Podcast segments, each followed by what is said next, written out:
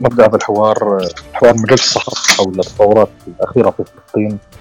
كيف يمكن للإعلام أن يغطيها ويتناولها في اجندته الإعلامية وسط هذا الازدحام؟ الغير مسبوق نقول بهذا التزامن ما بين الأحداث حول العالم هنالك حرب في أوكرانيا هنالك أزمات اقتصادية ربما هنالك يعني تصاعد في الأحداث في آسيا كذلك باكستان وغيرها. كيف يمكن للصحافة العربية وغرف الأخبار العربية أن تجد طريقها لوضع التطورات الأخيرة في فلسطين وإطلاع العامة عليها دون أن تتعارض مع الأجندة الإخبارية الأخرى. طبعا في هذا الحوار نستضيف صحفيتان للحديث عن هذا الموضوع. طبعا نبدأ مع زميله شيرين ابو عاقله وهي غنية عن التعريف مراسلتنا في فلسطين. وستنضم لنا بعد قليل أيضا زميلة الصحفيه ليلى عودة وهي أيضا من فلسطين وستنضم معنا خلال دقائق. أبدأ معك شيرين ربما. يعني أنت الآن في الميدان وعلى تواصل دائم مع غرف الأخبار. نعم. هل وجدت هنالك نوع من التغير في حجم الزخم الممنوح للتغطية الفلسطينية في خضم هذه الأحداث المتراكمة؟ أول شيء مساء الخير طبعا ومساء الخير لكل المتابعين معنا. هلأ فعلا يعني نحن مرينا بفترة للأسف الشديد إنه كل الموضوع الفلسطيني تم تغييبه لفترة بشكل كبير خاصة مع بداية الحرب يعني في أوكرانيا وقعت عندنا أحداث اللي يعني كانت مهمة هامة جدا وكان فيها سقوط شهداء وكانت مغيبة تقريبا. ولكن أنا برأيي إنه تحديدا القضية الفلسطينية صعب يتم إغفالها لفترة طويلة. يعني حاليا لم تنتهي الحرب في أوكرانيا وما زال هناك زخم إخباري في العالم. ولكن القضية الفلسطينية كل فترة يعني لابد أنها تعود وتفرض نفسها. يعني أنا بدي أعطيك مثل بسيط جدا حصل معنا مؤخرا. يعني القضية الفلسطينية هناك دائما طبعا مثلا بدي أقول لك على الأقل يعني في الجانب الإسرائيلي هناك تمني إنه يكون في تغييب لهذا القضية. بتلاحظ إنه بكل تصريحاتهم أو في لقاءاتهم خاصة مع مسؤولين عرب دائما ما تكرر كلمة دائما يعني بتقابلنا إنه الموضوع الفلسطيني لم يطرح ابدا. ولكن الموضوع الفلسطيني يطرح نفسه دائما. يعني يعود مرة أخرى إلى السطح وإلى الواجهة ولا يمكن إغفاله لفترة طويلة. طبعا هذه يعني ممكن ندخل فيها في إلها أسباب عديدة ليش إنه يفرض نفسه الموضوع الفلسطيني. ولكن في الفترة الأخيرة إحنا شهدنا إنه يعني مثلا على الجزيرة حتى في كثير من الأحيان عاد الموضوع الفلسطيني يقفز إلى الرقم واحد إلى الملف الأول. عاد يفرض نفسه يعني في قضية صعب جدا إنك تتجاهلها حتى لو كان في تغييب إلها أو في قضايا أخرى تطفو إلى السطح. ولكن وهذا يعني غيبنا فترة يعني كانت صعبة جدا. ولكن مرة أخرى تعود القضية الفلسطينية وتفرض نفسها وتفرض ذاتها على يعني على الأجندة الإعلامية وأحيانا يعني تسبق كل القضايا الأخرى. ومن بينها يعني تقريبا الفترة هذه اللي بنمر فيها حاليا. نعم. آه طب يعني ربما هنا أنتقل إلى نقطة أخرى أيضا شيرين في في هذا الموضوع. أنت الآن في الميدان وتقومين بالتغطية لمدة سنوات في في فلسطين عشرات السنوات. هل وجدت أن المشاهد العربي ربما أصبح آآ آآ لا نقول يمل لكن يشاهد نوع من الرتابة في التغطية الصحفية ويجب على الصحفيين إعادة النظر في طرق وسبل المعالجات لكي تبقى القضية مركز اهتمام في خضم هذه المشتتات جميعها لنقول. نعم نعم نعم. يعني هذه نقطة جوهرية اللي أنت بتتحدث فيها وبصراحة هذه يعني إحدى التحديات الهامة بالنسبة لنا التي نواجهها. لما أنت بتتحدث عن احتلال عمره عشرات السنوات يعني يعني قضية مش سهلة أبدا. إحنا عم نحكي عن قضايا يعني لما بنحكي عن قضية الأسرى وبنحكي عن أربع ألاف وأكثر أسير فلسطيني في سجون الاحتلال لما أنت بتحكي عن سقوط شهداء بشكل يومي لما بتحكي عن قضية الاستيطان الذي يسرق الأرض يوميا لما بنحكي في موسم الزيتون عن حرق أشجار الزيتون ومنع المزارعين يصلوا. تقريبا هذه قصص تتكرر بشكل مستمر فهذه بتخلق عنا تحدي. أنا برأيي أنه فعلا هنا في مسؤولية على الصحفيين. يعني إحنا اليوم نبحث عن طريقة كيف نوصل القصة للمشاهد بحيث إنها لا لا تكون مملة بالنسبة له وفيها رتابة. مع مع في قضية كم أيضا مهمة يعني لا لا يمكن أن نغفلها يعني تبقى دوما موجودة وحاضرة أنه في إجماع على القضية الفلسطينية قضية أخلاقية قضية عادلة إيه، عموما يعني في قضايا كثير نجد في حولها خلاف ولكن أنا باعتقادي للمشاهد العربي الإنسان العربي يعني وضعنا نضع جانبا قضية مواقف بعض الحكومات ولكن يبقى هناك تعاطف آه، بين المواطن العربي والقضية الفلسطينية. يبقى كيف يعني أنت كصحفي إنك تستطيع إيصال هذه القصة بطريقة إنه نبحث عن زوايا جديدة؟ آه، تحافظ على المضمون ولكن يعني أحيانا بدك بعد جديد بعد إنه يشد المشاهد إلها. ويعني بكل صراحة في جانب يمكن نتحدث عنه إنه أيضا وسائل التواصل الاجتماعي يعني قدمت مساعدة آه، في هذا الأمر. لأنه اليوم آه، حجم الصور آه، كمية التسجيلات الفيديوهات الصور صوت المواطن العادي صار سهل إنه يوصل. فبالتالي آه، أحيانا نحتاج إلى بعض الذكاء من قبل الصحفي كيف يلتقط القصة ويستطيع أن يوصلها للمشاهد. وإذا سمحت لي بس بدي أحكي فقط مثل على هذا هذا الموضوع. آه، يعني دائما نحن بنتكلم على قضية مثلا إنه الفلسطيني ممنوع من التنقل. الحواجز العسكرية تمنع الفلسطيني من الوصول ما بين الضفة الغربية وقطاع غزة. أنا كفلسطينية غير قادرة على الوصول أنا صدفة مثلا إيه، قرأت أو يعني عرفت عن قصة قصيرة جدا كتبها طفل يعيش في إيه، رام الله. لجدته اللي موجودة في قطاع غزة توفت. هو عمره تسع سنوات. كتب رسالة في المدرسة.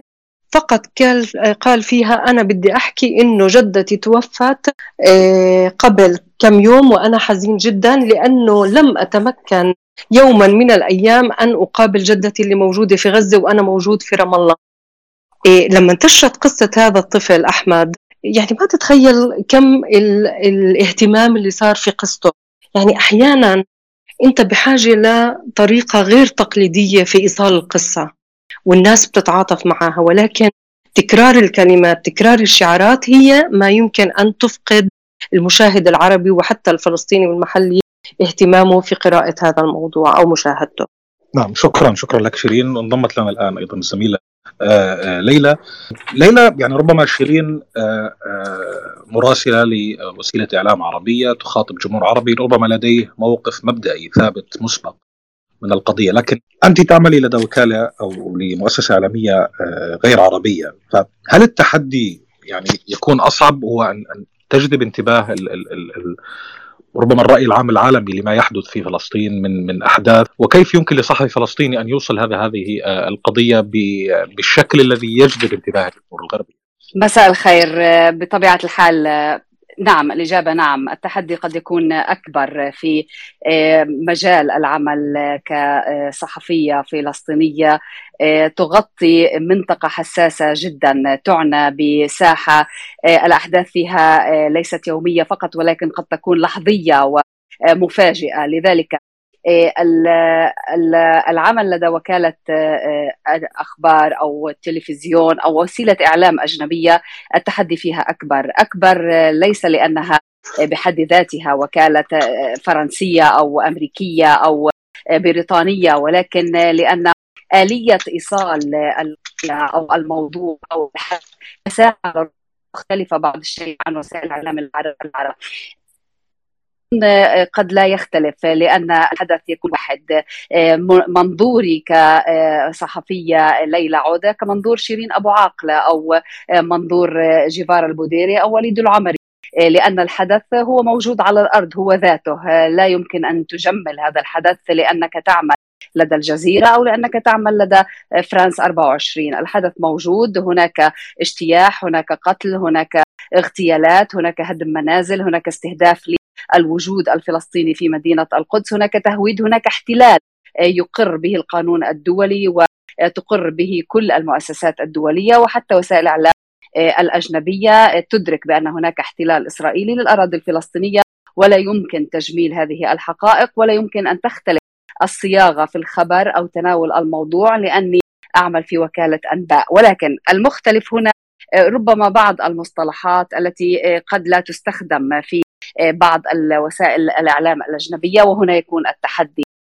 قد يكون هناك تحدي وتساؤلات كبيرة من قبل بعض من يتابعوني مثلا لماذا لا تقولين شهيدا؟ أو لماذا لا تقولين احتلالا؟ نقول في بعض الأحيان القدس المحتلة الاحتلال الإسرائيلي قوات الاحتلال التي اجتاحت الضفة الغربية المحتلة نابلس المحتلة.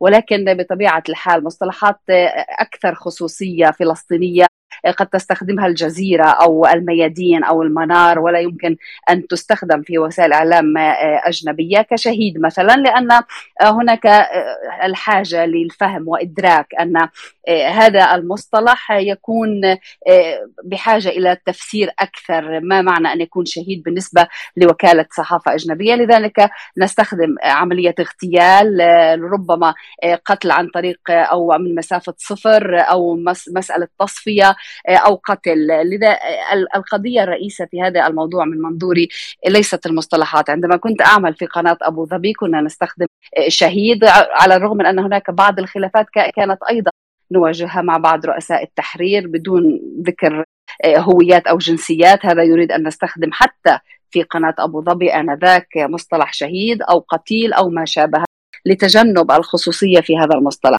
ولكن التحدي الكبير كما قلت هو في بعض المصطلحات هو في إيصال هذه القضية وهذه الرسالة بموضوعية. هو إقناع من تخاطبهم من المشاهدين في فئة غربية أن هناك قضية يعني الأمور فيها شائكة ومعقدة وليست واضحة. عليك أن تقنع المشاهد الغربي أن القضية الفلسطينية هي قضية مركزية. بدأت تغيب. ما العلاقة؟ ليلى اريد ليلى لو تسمحين أريد فقط نعم. أن أسألك في في نفس هذا السياق. في هذه الأيام هناك عدسة موجهة أكثر إلى الحرب في أوكرانيا والحرب الروسية على أوكرانيا. والتوتر الأمريكي الصيني وكذلك ما يقع اليوم في باكستان. أنا أريد أن أسألك أنت كصحفية تشتغلين بمؤسسة أجنبية من فلسطين كيف يمكنك كصحفية أن تفرضي على أجندة هذه الوسيلة الإعلامية أن تكون القضية الفلسطينية في صدارة الأحداث التي تحظى بالأولوية داخل غرف الأخبار؟ سؤال ممتاز. يعني أنا اليوم كان عندي مباشر صباحا حول الانتخابات الفرنسية من منظور الاهتمام الإسرائيلي بهذه الانتخابات. على مدى الأيام الماضية والحرب في ما بين روسيا وأوكرانيا كان لدي الكثير من التغطيات وتناول هذا القضية من منظور التدخل الإسرائيلي ومحاولة فرض الإسرائيليين أنفسهم على الأجندة الأوكرانية الروسية ومحاولة الوساطة وحتى مسألة اهتممنا في قضية التغطية الإعلامية الإسرائيلية لهذه الحرب. كيف بالإمكان أن نفرض القضية الفلسطينية في زخم هذه الأحداث؟ هذه هي النقطة الرئيسة. هناك مسألة مهمة للغاية. القضية الفلسطينية لا يمكن فرضها فقط إعلاميا. يجب أن تحتاج أن يكون هناك اهتمام فلسطيني ذاتي في هذه القضية بمعنى أن يكون هناك وضع لهذه القضية في الصدارة دون تراجع. في الآونة الأخيرة كان هناك تراجع. الكثير من الأمور أثرت على القضية الفلسطينية الأمور الداخلية ليس فقط الخارجية. هناك طفت على السطح موضوع أوكرانيا الغزو الروسي على أوكرانيا. الصراع وفتح محاولة فتح البوابة الصينية من بين الصراع الأمريكي الصيني ومحاولة زج الصين في هذه الزخم السياسي الحالي ليس فقط السياسي ولكن العسكري من منظور أمريكي. محاولة أوروبا الولوج في كل هذا الصراع وتصدر أيضا جزء من هذا الصراع. الصراع الدولي أضاع جزءا من القضية الفلسطينية وإسرائيل أحسنت في هذه الفترة للأسف. اللعب على هذا الوتر من منظور أن هناك تغييب لأنها دولة محتلة وهذا قلته على الهواء مباشرة في قناة فرانس 24 بأن الإسرائيليين يتعاملون بأنهم ليسوا دولة احتلال يقر باحتلالهم القانون الدولي وبأنهم أصبحوا يشكلون عنصرا فعالا بل يتوسطون ما بين الروس والأوكران من أجل حل الخلاف ما بين روسيا وأوكرانيا ومسألة تناول الإعلام الإسرائيلي هذه غاية في الأهمية أنا بشكل لحظي أتابع الإعلام الإسرائيلي وهذه قضية غاية في الأهمية. الإعلام الإسرائيلي ليس كالإعلام العربي. لا يركز على العناوين البراقة ولا يركز على قضايا فقط تتناول أن هناك غزوا روسيا يتعلق بالغاز ويتعلق بمحاولة آه، إلغاء القطب الواحد الدولي. لكن الإعلام الإسرائيلي إلى درجة أنه يعنى بجزيئات هذا الصراع. بقضايا خفية. يتناول مثلا يركز على إنقاذ الجالية اليهودية مثلا تقارير عدة عملتها الجالية اليهودية إنقاذها لأسرة طبيب فلسطيني في أوكرانيا ومساعدتهم في الخروج من أوكرانيا أعدت التقارير نعم. المقابلات. كل هذه الأمور يتم التركيز عليها. مسألة قصف الطيران الروسي لنصب تذكاري للمحرقة في كييف.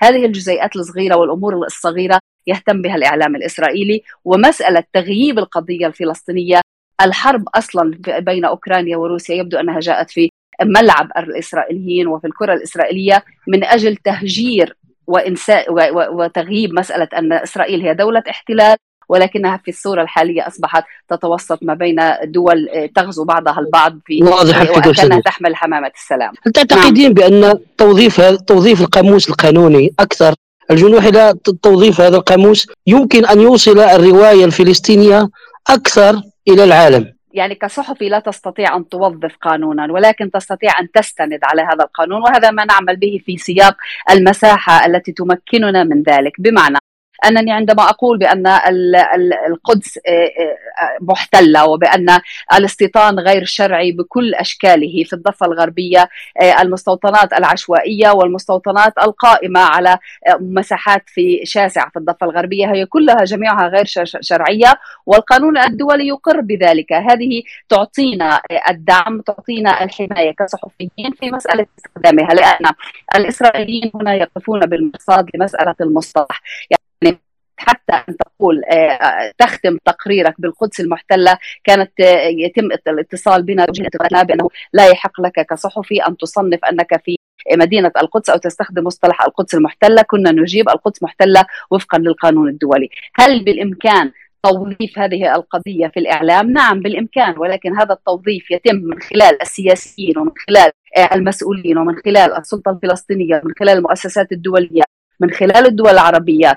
تعطي هذا التوظيف تستخدم هذا توظف هذه القضية كي تحمي الصحفي وتعطي هذا الصحفي القوة والسلاح والدعم والسند من أجل استخدام هذه المصطلحات كمساحة في في مساحته الإعلامية مستندا على توظيفهم ومستندا على التصنيف الدولي والإقرار الدولي بهذه القضية بأن هناك احتلال إسرائيلي لا يزال جاثما على الأراضي الفلسطينية وبأن الاستيطان غير شرعي. تمام شكرا شكرا لك ليلى. ربما من نفس النقطة التي تتحدث بها ليلى حول التوصيفات وربما المصطلحات التي يستخدمها الإعلام، برأيك هل الصحفي العربي اليوم يعني ما زال قابعا في التوصيفات التي تأخذ آه، آه، بعدا عاطفيا أكثر منه توصيفا قانونيا واقعيا بإمكانه أن يؤثر في الجمهور؟ آه، العربي وغير العربي بالضرورة وما الحل لهذا النوع من التغطيات ربما التي تكون مغرقة بالعاطفية فتبقي المعلومة أو الحقيقة ليست ضمن تلك التغطية بالتحديد؟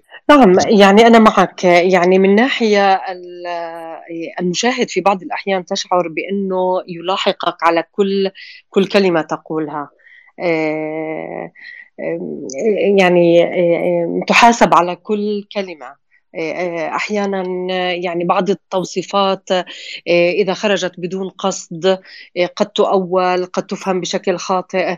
ولكن أنا برأيي فعلا يعني لابد من الخروج من هذا الإطار. يعني لا أقصد إنه طبعا يكون في أي تشويه ل آه، للمقاومة أو غيره ولكن أنا أقصد أحيانا يعني ليس بالضرورة أحيانا أنت قد يعني تشاهد تقريرا لجهة أجنبية على تلفاز أجنبي أو تقرير أجنبي ومع ذلك يستطيع أن يصل بك إلى آه، تفاصيل تؤثر بك كثيرا. يعني آه، اليوم نحن أيضا ك يعني صحفيين وكمشاهدين برأيي غير مطلوب منا فقط اللعب على الوتر العاطفي آه، لأنه يعني اولا أنا يعني باعتقادي إنه إحنا قضية بنغطي في قضية عادلة لا تحتاج إلى الكثير من التوصيف وإلى الكلمات البراقة وإلى الشعارات آه، اللي مل منها جزء كبير من المشاهدين.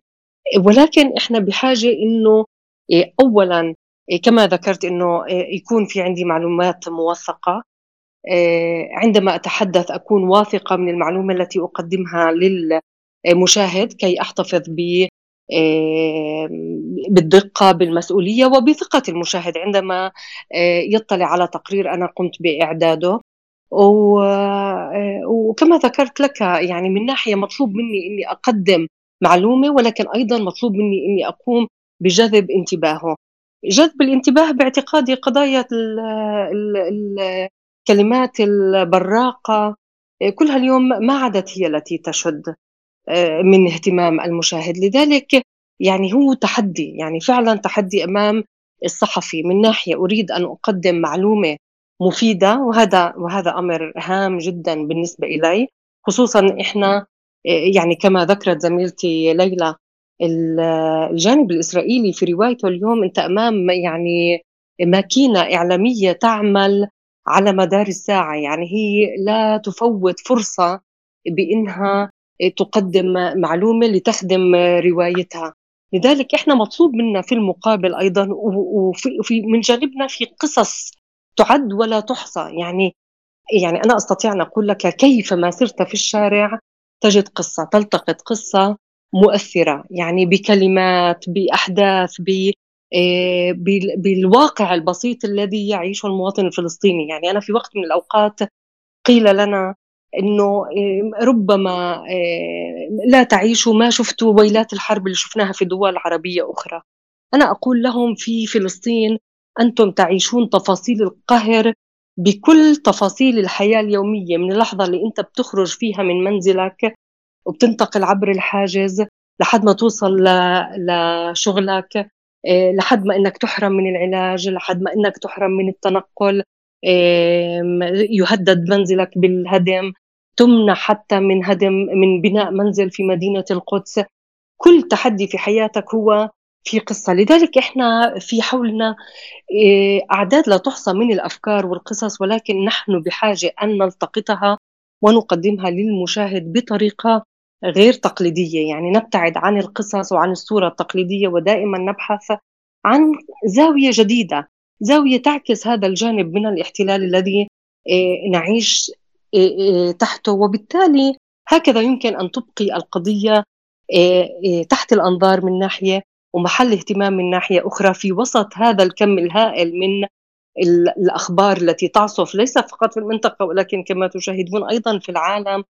من أج... يعني أحيانا تشعر إنك في سباق أنت يعني هل أستطيع أن أبقي هذه القضية الفلسطينية على الأجندة؟ أنا برجع بقول إنه على الرغم من إنها يعني مرت في ظروف كثير كانت تغيب فيها في أحداث في العالم كانت تخطف الأضواء ويعني وهذا أمر طبيعي. أحيانا في أحداث بتصير في العالم اللي هي على مستوى كبير من التأثير في آه، الوضع العالمي وبالتالي هذا أمر طبيعي. ولكن بين فترة وأخرى إلا أن يعني نجد إنه القضية الفلسطينية تعود تطفو وتفرض نفسها خاصة إنه هي يعني ليست فقط يعني متقوقعة على نفسها هي مؤثرة في كل الأوضاع سواء اقليميا أو في آه، الموضوع الإسرائيلي اللي هي إسرائيل اليوم تحاول أن تقحم حالها وتكون على علاقة مع الدول العربية وغيرها. في كل مرة تجد إسرائيل نفسها أمام هذه القضية القضية الفلسطينية التي يجب أن تتعامل معها وهي تحاول أن تدفنها مرة آه، تلو الأخرى وتجعلها نعم. قضية هامشية. نعم نعم. شكرا شيرين وربما أنوه أيضا إلى أن بإمكان المستمعين المشاركة في النقاش يعني عبر طلب آه، الحديث. آه ليلى أنتقل معك ربما إلى نقطة أخرى لكنها تنطلق من ذات ال ال ال الإجابة اللي تحدثت عنها شيرين وهي فكرة التوصيف آه، ودور الصحفيين في نقل الأحداث على الأرض. أصبح هنالك الآن مشكلة داخل وسائل الإعلام الغربية الناطقه بالعربيه ربما أو التي يعمل بها صحفيون عرب بأن الصحفي العربي أو خاصة الفلسطيني أصبح غير قادر على أن يقول حتى ولو على حسابه الشخصي ما يحدث على الأرض بشكل موضوعي يعني كثير سمعنا في الأيام الأخيرة أن صحفيين تم فصلهم من العمل في مؤسسات ربما تكون ألمانية بعض الشيء بشكل خصوصي بسبب نشرهم لمنشورات أو محتويات فقط يعني تنقل ما يحدث على الأرض وتم اتهامهم بمعاداة الساميه. هذا التحدي اليوم أمام الصحفيين العرب خصوصا الذين يعملون في مؤسسات أجنبية، كيف يمكن التعامل معه من من من خبرتك في هذا المجال؟ يعني هي بالفعل الآن الصحفي الفلسطيني أصبح حتى أي ناشط فلسطيني عبر وسائل الإعلام الفلسطينية الموضوع الفلسطيني بحد ذاته عبر وسائل الإعلام عبر وسائل التواصل الاجتماعي أصبح مطاردا كأي مطارد فلسطيني في مدن الضفة أو في مخيماتها أو في أزقتها. الأشخاص الذين يمثلون هذه القضية. التوصيف ودور الصحفي في نقل الأحداث وملاحقة بعض الصحفيين والأمر الذي أدى إلى فصل عدد منهم من وسائل إعلام ألمانية مؤخرا إحداها إحدى الصحفيات بسبب تغريدة لها. أعتقد أن هذه القضية سببها الرئيسي هي الملاحقة الإسرائيلية معرفة جوهر هذا السبب ملاحقة إسرائيلية لكل وسائل الإعلام ولكل الصحفيين ولكل وسائل التواصل الاجتماعي. جسدت هذه الملاحقة ما أقره افيف كوخافي قبل يومين رئيس الأركان الإسرائيلي عندما أصدر قرارا رسميا بمتابعة كل وسائل الإعلام وسائل التواصل الاجتماعي بشكل دائم وشكل دوري وملاحقة كل من يغذي بحسب القرار الإسرائيلي لكوخافي يغذي ما أسماه ووصفه بالإرهاب ويشجع عليه سواء عبر تويتر أو عبر كل وسائل التواصل. هذا يجسد الملاحقة التي بدأت بالحديث عنها الإسرائيلية سواء عبر التواصل عبر السفارات أو حتى عبر المؤسسات أو عبر الوزارات إلى درجة أن يكون هناك ملاحقة حتى لوسائل الإعلام والصحائف العالمية. كانت هناك ملاحقة لصحفيين في البي بي سي في السي إن إن في وسائل إعلام عالمية على على الكلمة التي كانوا يعدوها التقارير التي يعدونها إن لم يكن هناك إطار في إطار المقياس الإسرائيلي والرواية الإسرائيلية لهذه لهذا التقرير. كانت توجه الانتقادات والرسائل الفورية لمدراء هذه وسائل الإعلام بأن هذا التقرير لم يكن في مستوى المهنية والموضوعية وكان منحازا للجانب الفلسطيني وبأنه يصل إلى حد معاداة الساميه كما ذكرت. الملاحقة هذه على مستوى الوزارات والمستوى الرسمي الإسرائيلي تدفع بكل الوسائل الإعلام الأجنبية إلى الأخذ بعين الاعتبار أن العمل إن لم يكن هناك تعاطي مع هذه الانتقادات والرسائل السلبية الإسرائيلية والتهجم الإسرائيلي على والتدخل الإسرائيلي في العمل الصحفي الغربي سيكون هناك ربما اضرار في عمل هذه الوسيلة داخل المناطق التي تتواجد بها في تل أبيب أو في القدس أو في ما شابه من وسائل اعلام اسرائيليه. بطبيعة الحال هذه القضية حساسة جدا، المغزى الذي أريد أن أقول له أتحدث باتجاهه هو أن المتابعة الإسرائيلية اللحظية لكل الصحفيين العرب الأجانب هي التي تؤدي وتؤتي ثمارها وأكلها في مسألة تقييد عمل هذه الوسائل وجعلها تراقب ذاتها في تغطية القضية الفلسطينية مع الجانب الإسرائيلي وتصبح بشكل لا إرادي بسبب هذه الملاحقة الإسرائيلية والضغط الإسرائيلي والتدخل الإسرائيلي الذي يكون أحيانا مباشرا إلى مراقبة ذاتها وأخذ خطوة إلى الوراء في ضد القضية الفلسطينية ولصالح الجانب الإسرائيلي خوفا من الهجمات الإعلامية الإسرائيلية والحملات التي تشن ضدهم وتتهمهم بمعاداه الساميه والارتدادات السلبية التي قد تأتي على هذه المؤسسات من تضييق الخناق عليها في العمل سواء هنا في إسرائيل أو في مناطق تكون لها حاجة للعمل بها. في هذا الإطار أو حتى الدعاية. يكفي أن يكون هناك حملات دعائية أو كما ذكرت رسائل انتقادات عبر السفارات والوزارات. هذه المتابعة والملاحقة التي نفتقرها نحن كربما مؤسسات عربية وحتى فلسطينية. هناك جلد ذاتي يجب أن يكون. الجانب الفلسطيني مقصر جدا في هذه القضية. الجلد الذاتي يجب أن يكون لكل شخص ولكل جهة.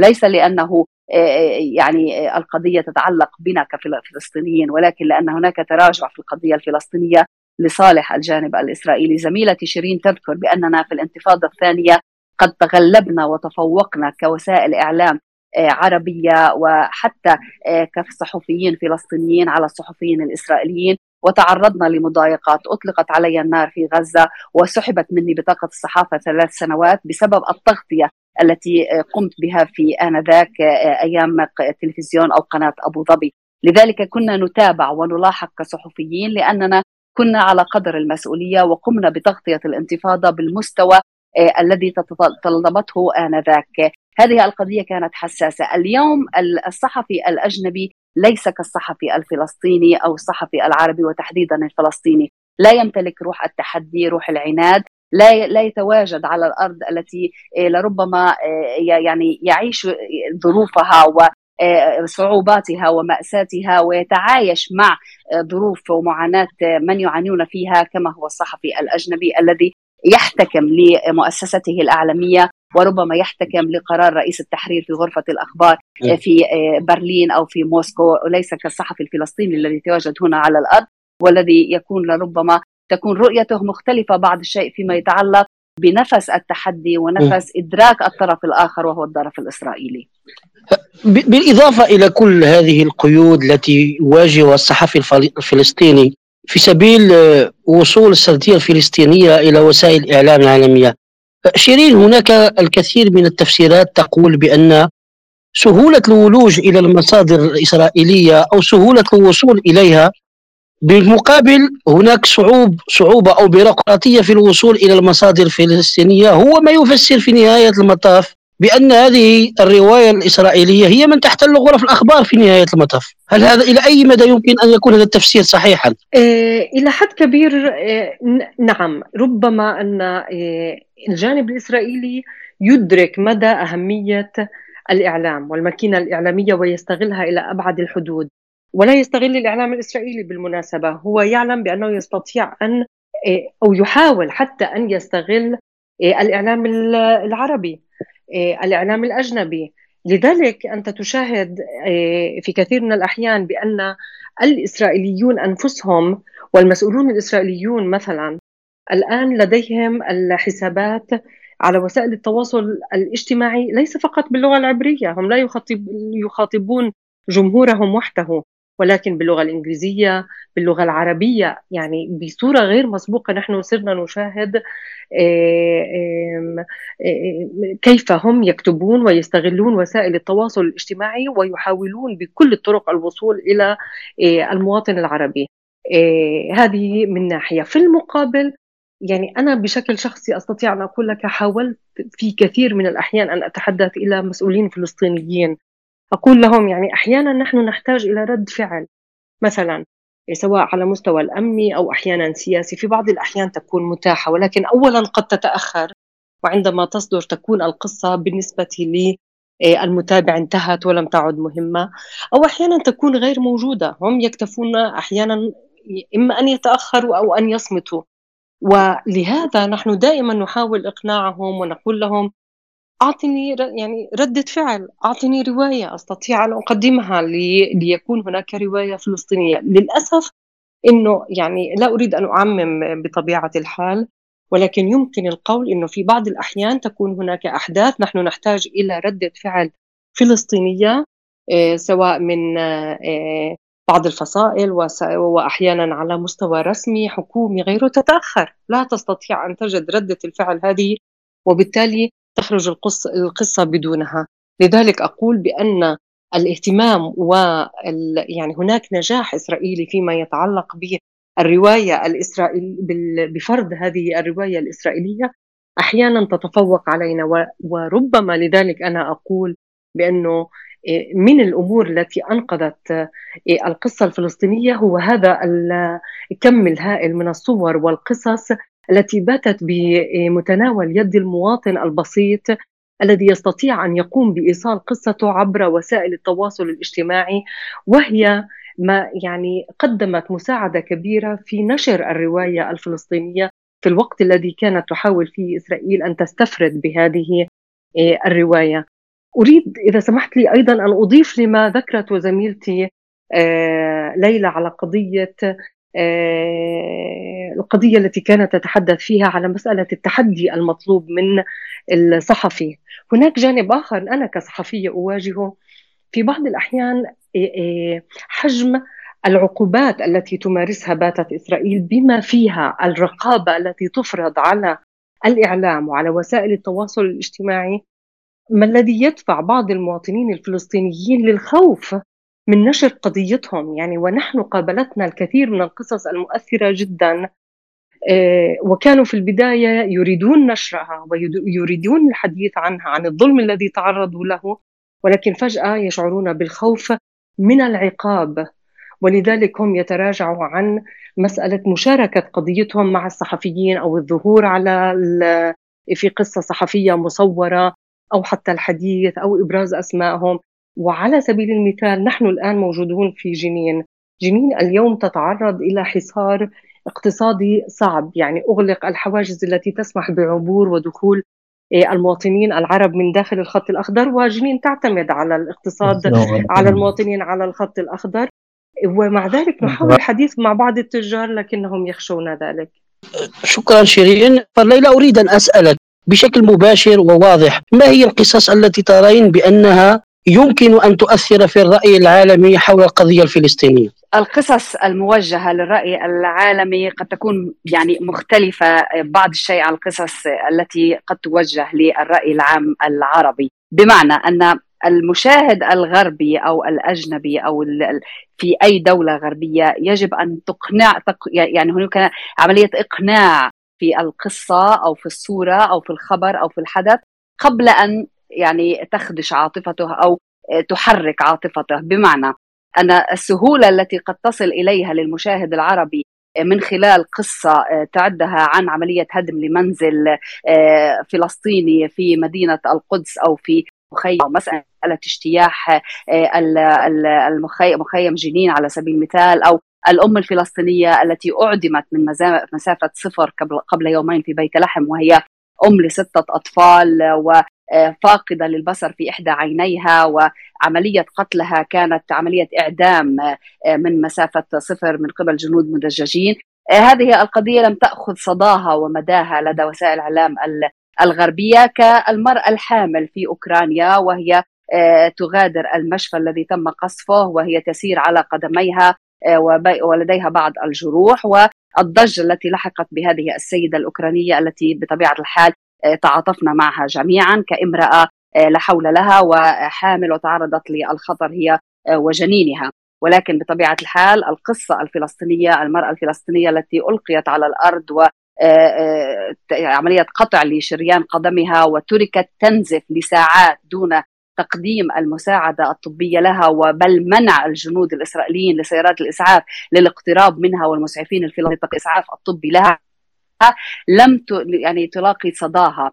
آه، ليس فقط تقصيرا من ربما وسائل الاعلام أو الصحفيين هنا ولكن لأن مسألة آه، آه، الإقناع بهذه الرواية هي لربما السباقة، الرواية الإسرائيلية كانت هي السباقة في هذه الموضوع بأن السيدة اقتربت من الجنود وكانت تحاول طعنهم شكلت خطرا عليهم. ما كان عليهم سوى التعامل بكل مهنية كما قال رئيس الأركان وفعلوا الصواب بالدفاع عن نفسهم ومبادرتها بإطلاق النار عليها للدفاع عن أنفسهم، انتهت القصة لدى وسائل الإعلام الغربية. نقطة على السطر لم يكن هناك تعاطفا أو قصصا لم توجه أي وسيلة كاميرا من البي بي سي أو سي ان ان أو أي وسيلة إعلامية غربية إلى منزل هذه السيدة التي بقي اطفالها وهم أيتام أصلا. والدهم توفي قبل خمس سنوات ووالدتهم توفيت قبل يومين وبقيوا وحدهم. لم تعد قصة واحدة عنهم. هذه القضية هي الرئيسة. المشاهد الغربي أنت بحاجة أن تقنعه بهذه القصة قبل أن تتحدث إليه عاطفيا. كيف نقنع هذا المشاهد بالقناعة بهذه القضية؟ عليه أولا علينا أولا أن نعمل على مسألة تليين ابعاد الرواية الإسرائيلية قليلا. المسألة هنا أن كما قلت السباق كان والسباقة في هذه القضية كانت للرواية الإسرائيلية. فلسطينيا لم يكن هناك سوى المشاهد التي شاهدناها والتي لربما قوضت من الرواية الإسرائيلية عندما كانت السيدة تقترب من الجنود ولم تشكل هذا الخطر، لماذا لم يتم التعاطف معها؟ لأنه لم يكن هناك قناعة بأن هذه القصة تستحق من قبل وسائل الإعلام الأجنبية والتي لم تسير هذه الكاميرات باتجاهها، لذلك مسألة كيف بالإمكان أن نؤثر العام العالمي هي بالمثابرة، هي بالعمل، هي بعدم آه، التهاون مع أي قضية أو أو قصة أو حدث يحدث في الأراضي الفلسطينية. هي بالتبادل الإعلامي ما بين المؤسسات آه، الغربية الأجنبية والصحفيين العرب وحتى الفلسطينيين والمؤسسات العربية. هي بالعمل المشترك. هي بمسألة وضع القضية الفلسطينية كقضية شعب محتل لا زال يعاني من الاحتلال وهذا الاحتلال لا زال قائما. وكما أصبح مصطلح الاحتلال الروسي لأوكرانيا آه، يطفو على السطح. هناك احتلال أكثر من 74 عاما في الأراضي الفلسطينية. هذه القضية أخذ يتراجع في هذا المجال. هي مسألة أن تقنع الرأي العام مسألة أن تثابر أن تبقى القضية الفلسطينية في الصدارة لا تتعلق فقط بعملية آه، عملية طعن أو دهس كما حدث في الآونة الأخيرة كانت الصدارة للقضية الأوكرانية وبعد عملية الدهس الأخيرة أو آه، الطعن الأخيرة وإطلاق النار في تل أبيب وفي النقب كانت هناك عملية الاهتمام بالقضية الفلسطينية. أصبح الاهتمام وفق حدث وليس دائم. ال ال الاهتمام الدائم بالقضية الفلسطينية لا يجب أن يكون مرتبطا بعملية طعن كما ذكرت ولكن بالبحث عن قصص مؤثرة تؤثر تذكر آه، تثير آه، ال ال ال القناعة لدى تحفز القناعة لدى المشاهد الغربي بأن هذه القضية لا زالت قضية شعب محتل وحيد في هذا القرن وفي هذا العالم. يجب أن آه، تكون هناك عملية صدارة لهذه القضية. اهتمام مثابرة استمرارية في التغطية وأيضا استخدام العقل أكثر من العاطفة مع المشاهد الغربي الذي هو بحاجة أن نقنعه بالقضية أكثر من أن يعني يذرف الدموع عليها، أن يقتنع بالقضية بعدها سيكون مسألة إما أن يذرف الدموع التي قد لا نكون بحاجة إليها لأن العمل بعدها بعد قناعته سيكون هناك عمل، سيكون هناك مثابرة، ان نخاطب ليس فقط المشاهد لكن أن نخاطب أن تكون هناك منظومة إعلامية مستمرة العمل ودائمة العمل في المجال القضية الفلسطينية من القصص والأحداث الغنية التي تحدثت عنها شيرين في قضيتنا الفلسطينية والتي بالإمكان أن آه، القضية تولد قضية والقصة تولد قصة آه، القصص هنا لا تتوقف ابدا ولكن مسألة استهداف هذه القصص قصص الفيتشرز أصبحت تغيب عن القنوات العربية آه، البرامج الوثائقية التي تعنى بصلب هذه القضايا آه، التي لربما قد تؤثر الأفلام القصيرة هذه آه، أصبحت مقتصرة التغطية على خبر تقرير مباشر يتحدث الصحفي وانتهى الخبر. ننتقل إلى أوكرانيا وننتقل إلى فرنسا وننتقل إلى آه، ألباكستان والى مناطق ساخنة أخرى، لذلك استهداف فئات مختلفة ليس فقط المشاهد الذي يجلس في المنزل أو في المكتب، استهداف فئات مختلفة ذات صلة بالمجتمع الغربي نفسه، آه، عمل قصص وتسويقها لدى هذه المؤسسات والمنظمات الحقوقية وغير الحقوقية، آه، التعاطي مع حتى مخاطبة الوزارات يعني اعطائها بعض بعض الافلام القصيرة عن قضايا قضية هذه السيدة الفلسطينية. كان الأجدى بالفلسطينيين أنفسهم قبل وسائل الإعلام الغربية إعداد تقرير على الفور عن هذه السيدة وأطفالها كيف تركوا وبث هذا مجانا عبر وسائل الاعلام أو حتى يعني إعطائها للسفارات العالمية مجانا على شكل فيلم قصير لمشاهدة ما ما حدث بالضبط والصورة كاملة. القضية بحاجة إلى عمل مثابرة متابعة وملاحقة وإقناع وقناعة. نقتنع بأن هذه القضية يجب أن لا تغيب. إن اقتنعنا نحن كفلسطينيين وكعرب بهذه القضية أعتقد أن مسألة إيصالها وإقناع آه، المشاهد العام الغربي أسهل كثيرا نعم شكرا شكرا لك ليلى. وربما هنا أنهي مع شيرين بسؤال أخير. يعني ربما من صلب ما تحدثت به ليلى حول ضرورة وجود جسم صحفي فلسطيني ربما لنقول يجمع الصحفيين الفلسطينيين في داخله لربما الاتفاق أو ربما المحاولة لفرض السردية الفلسطينية في وجه السردية الإسرائيلية ربما التي تكون مدججة ب مجال وصول أو أوسع ربما قبول غربي أكبر. فما الذي يمكن للصحفي الفلسطيني اليوم ككيان ربما أو كجسم صحفي فلسطيني موحد أن يقوم به من أجل صد هذه الهيمنة في السرديه حول ما يحدث في فلسطين. يعني ربما يعني تتحدث به هو فكرة ولكن إلى أي مدى يمكن أن تنفذ لا أدري ولكن على الأقل أستطيع القول بأنه لدينا يعني الآن تشكلت مجموعات يعني الآن بفضل وجود آه، وسائل التواصل الاجتماعي باتت هناك مجموعات على الأقل آه، نتساعد فيها نخبر عن بعض القصص نتبادل بعض القصص نتبادل الأخبار نتبادل الأرقام المصادر هناك نوع من التعاون وهذا يساهم في نشر القصة. يعني في بعض الأحيان صحفي يحصل على تسجيل محدد ينشر على هذه المجموعات وهذه المجموعة تقوم ب يعني تعطي الحق بنشر هذه الصور وهذا أسهم بوصول هذه الصور والقصص إلى أعداد كبيرة من وسائل الإعلام سواء كانت محلية أو عربية أو أجنبية. ف أستطيع أن أقول بأن هناك نوع من التعاون، هناك نوع من إدراك لأهمية أن يكون هناك نشر للرواية الفلسطينية.